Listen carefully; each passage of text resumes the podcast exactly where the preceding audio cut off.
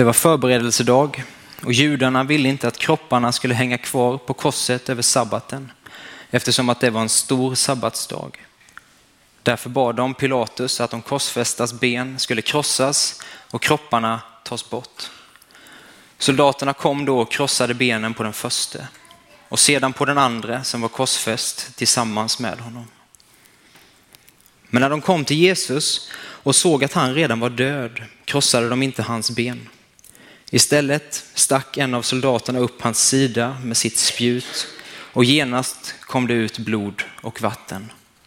Den som har sett det, det har vittnat för att också ni ska tro. Hans vittnesbörd är sant och han vet att han talar sanning.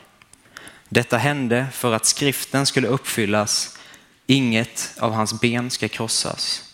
Och ett annat ställe i skriften säger de ska se upp till honom som de har genomborrat. Det är påsk, ännu en gång i Jesu liv. Under sina dryga 30 år har han vandrat tillsammans med sina föräldrar upp till Jerusalem. Just vid den här tiden. Tillsammans med flera tusen andra människor har de strömmat in i staden upp mot tempelplatsen för att där offra ett årsgammalt lamm, ett felfritt lamm av hankön. Kanske frågade den unge Jesus sina föräldrar, varför ska alla dessa lamm offras? Svaret var att detta offer skulle de göra för att påminna sig om vad Gud hade gjort för snart 2000 år sedan. Då Gud med sin starka hand hade fört sitt folk ut ur Egypten, ut ur slaveriet. Gud har räddat dem undan slaveri och förtryck för att leda dem in i det utlovade landet Israel. Och därför ska folket nu som då offra ett lamm.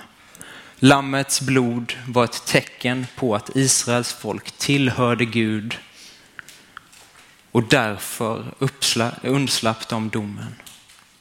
De räddades av Gud, inte av sin egen kraft utan av Guds kraft. Det här är länge sedan. Åren har gått och Jesus har blivit äldre. Hans namn har blivit ett namn på mångas läppar. Snickarsonen ifrån Nasaret som dag ut och dag in har slitit med Josef på bygget. Han är nu återigen på väg upp till Jerusalem. Och det är frivilligt, men det är inte utan vånda som Jesus går dit. Även denna gång anländer han tillsammans med tusentals andra människor. Som så många gånger förr. Men den här gången är det annorlunda. För Jesus har inte med sig ett lamm. Han kommer inte heller att köpa något lamm. Han har lämnat sin makt och sin härlighet i himlen. Han, Gud själv, har fötts som en människa för att ta den plats som var vår. För att rädda oss ur syndens slaveri. Synden som skiljer människan ifrån Gud. Och som måste betalas med blodet från ett felfritt offerlamm. Den här gången är det han själv som är det lammet. Det lamm som ska offras. Den här dagen sliter inte Jesus med att arbeta. Istället sliter han för din och min skull. Mot människors synd och mot ondskans makt. Slagen, utblottad och förnedrad väljer Jesus av fri vilja att gå lydnadens väg upp mot Golgata. Det är det han är sänd att göra. Kvällen innan så har Jesus stått i ett semane och han har bett den här bönen. Min far, om det är möjligt så låt den här bägaren gå förbi mig. Men inte som du vill. Jo, inte som jag vill, utan som du vill. Nu hänger han på korset. Han är uppspikad, förrådd och ensam. Han är övergiven inför Gud den allsmäktiges ansikte.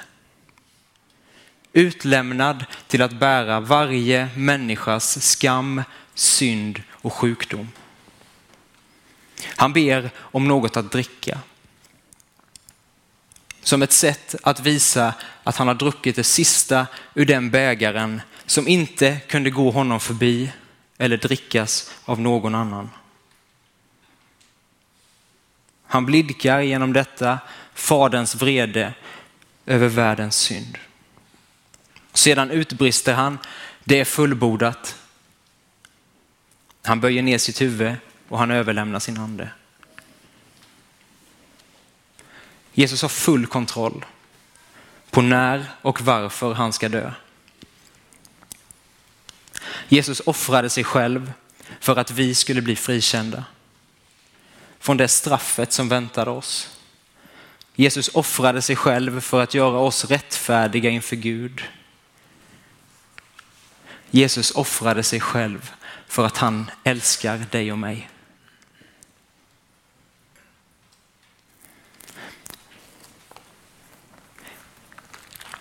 I Johannes 15 och 13 så citeras Jesu ord. Ingen har större kärlek än den som ger sitt liv för sina vänner. Ni är mina vänner om ni gör vad jag befaller er. Jag kallar inte längre er tjänare, för tjänaren vet inte vad hans herre gör. Jag kallar er vänner, för jag har låtit er veta allt som jag har hört av min far. Vi får kallas Jesu vänner på grund av det som han gör på korset. Synden som skiljer människan från Gud är betald med Jesu dyra blod. Vi var Guds fiender, men nu räknas vi som Guds vänner. Som ett gensvar på den kärlek som Gud har visat oss genom sin son på Golgata ska vi inte fortsätta att leva kvar i synden, utan vi ska omvända oss och följa Jesus Kristus. När vi firar påsk så handlar det inte om att vi ska äta så många ägg det bara går. Det handlar inte om att påskharen ska komma och det handlar inte någonting om Blåkulla.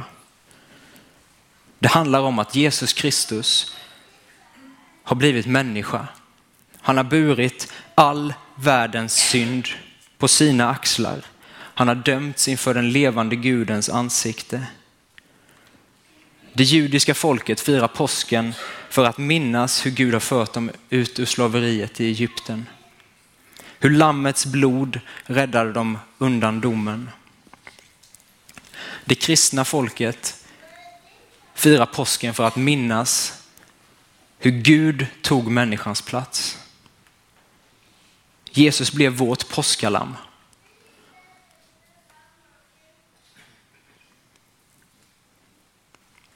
Han offrades och han dog i vårt ställe. Därmed har han gett oss möjlighet att få tillhöra Gud igen. Lämna vårt slaveri under synden. För när Jesu blod utgöts så utgöts även Guds gränslösa nåd. Och den räcker för dig och mig. Och det är skillnaden mellan liv och död. Johannes skriver att detta har blivit nedskrivet för att ni ska tro. Jesus tog ditt och mitt straff när han dog på korset. Det straff som vi förtjänade för de synder som vi har gjort och för de synder vi kommer att göra. Jesus dog en ställföreträdande död i vårat ställe och genom detta är vi utlösta från vår skuld. För att detta ska tillräknas oss måste vi komma till tro på Jesus. Inse att hans försoning och Guds förlåtelse är verklig och gäller för dig och mig och är nödvändig för var och en. Vi är förlåtna och vi är frälsta genom detta. Inte för att vi förtjänade detta, utan för att Gud genom sin oändliga kärlek vill göra det möjligt för varje människa att få tillhöra honom och leva i evighet med honom. Och det är påskens glada budskap. Även att det är långfredag så är det det som är kärnan. Jesus har tagit ditt straff. Vi kommer gå in i en stund av lovsång och tillbedjan. Och man får gärna gå bort och tända ett ljus här borta. Man får gärna be för varandra i bänkarna. Man får ja, bara känna sig fri och göra lite som man känner. Men begrunda det som Jesus har gjort. Och vad det betyder för dig.